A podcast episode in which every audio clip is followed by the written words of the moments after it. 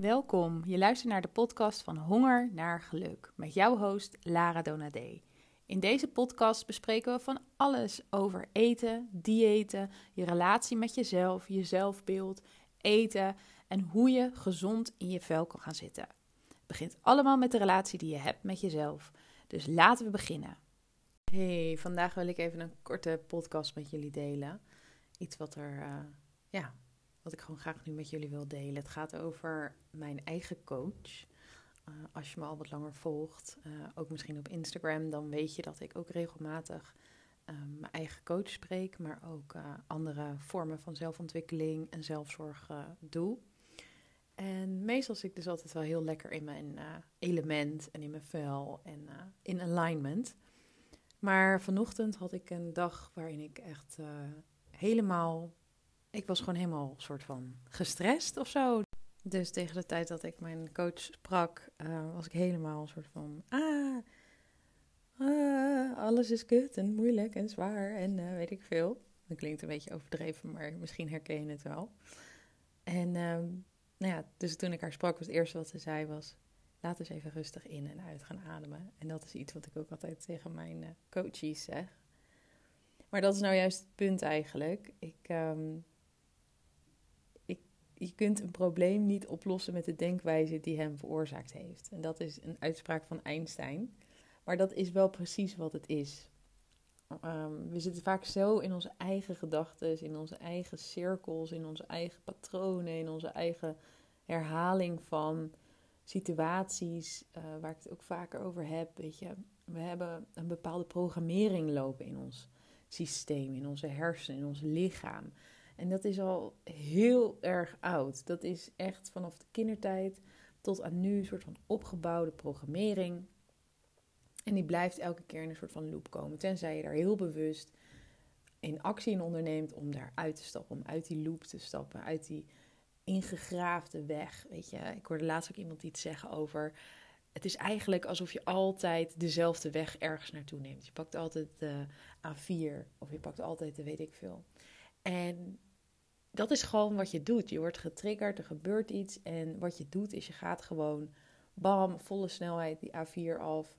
Dan de volgende afslag, dan de volgende afslag. Het gewoon automatisch piloot.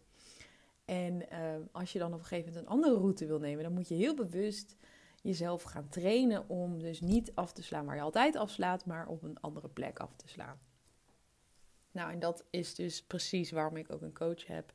En um, nou ja, waarom heel veel mensen coaches hebben, is om uit die bepaalde patronen te gaan en dingen anders te gaan doen. En dus vandaag uh, was dat voor mij ook weer zo'n moment dat ik echt een hele shift mocht maken met haar.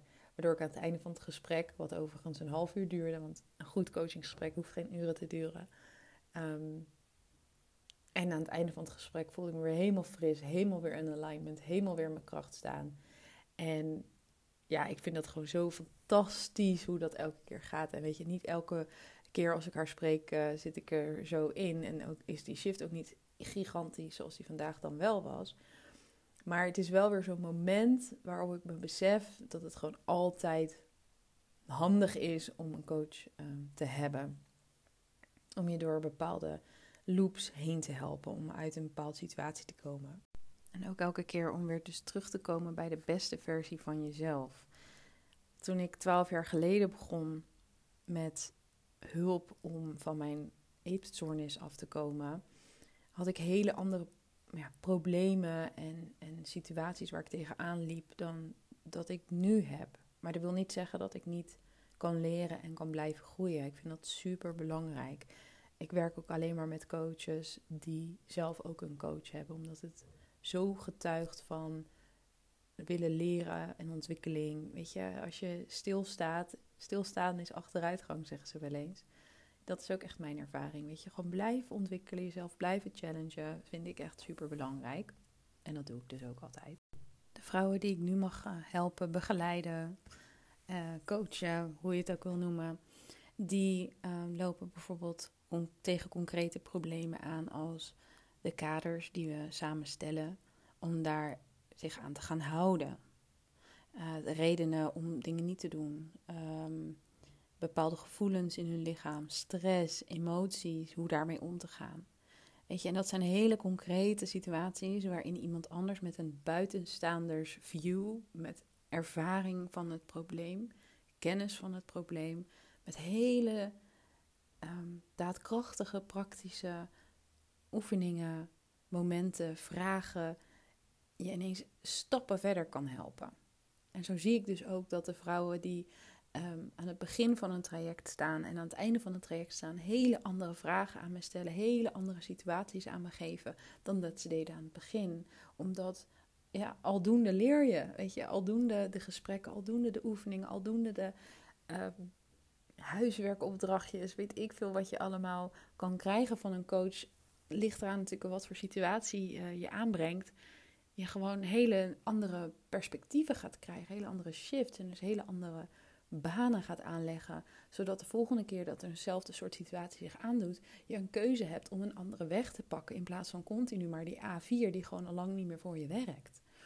En dat vind ik een heel bijzonder ehm, fenomeen van het werken met, uh, met coaches. Wat ook heel belangrijk is, is dat een coach je helpt om de kracht in jezelf te gaan vinden, zodat je je eigen waarheid kan gaan vinden, je eigen stem, je eigen hogere zelf, zeg maar. En dat was eigenlijk wat ik vandaag met jullie wilde delen over mijn eigen coach en over hoe ik tegenover coaching sta en waarom ik denk dat het zo belangrijk is om een coach te hebben in je leven als je tegen bepaalde problemen aanloopt. Om gewoon iemand uit te kiezen die daar ervaring mee heeft, die weet wat die, hoe die jou kan helpen om van A naar B te komen. En ehm, ja, dat traject samen af te lopen. En dat het gewoon heel belangrijk is dat je met iemand werkt die zelf ook aan uh, aan zelfontwikkeling doet, dus ook niet stil blijft staan. Iemand waar je natuurlijk op je gemak bij voelt, waarvan je het gevoel hebt van hé, hey, die kan mij iets vertellen of iets leren. Uh, ik sta daar open voor. Ik sta open voor zijn of haar suggesties. Um, en natuurlijk dat je intern ook echt voor jezelf weet van ik ben er klaar mee. Ik wil echt dingen anders doen. Dat is natuurlijk ook heel erg belangrijk uh, voordat je besluit om uh, met een coach gaan werken. Want anders gaat het natuurlijk sowieso niet werken. Want uiteindelijk ben je zelf degene die de acties moet gaan ondernemen om dingen anders te gaan doen. Een coach kan je hoogstens op, op weg helpen, maar niet, kan het niet letterlijk voor je doen. Zoals alles in het leven eigenlijk. Maar oké, dat even daar gelaten. Ik wens jullie nog een hele fijne middag of avond of ochtend, wanneer dit ook uh, luistert. En tot gauw bij een volgende podcast. Mocht je wat aan deze podcast hebben gehad, deel hem dan met een vriendin waarvan je denkt dat zij er ook wat aan heeft. En als je het nog niet deed, is het misschien leuk om me te gaan volgen op Instagram op Honger naar Geluk. En ik zie je snel. Doei!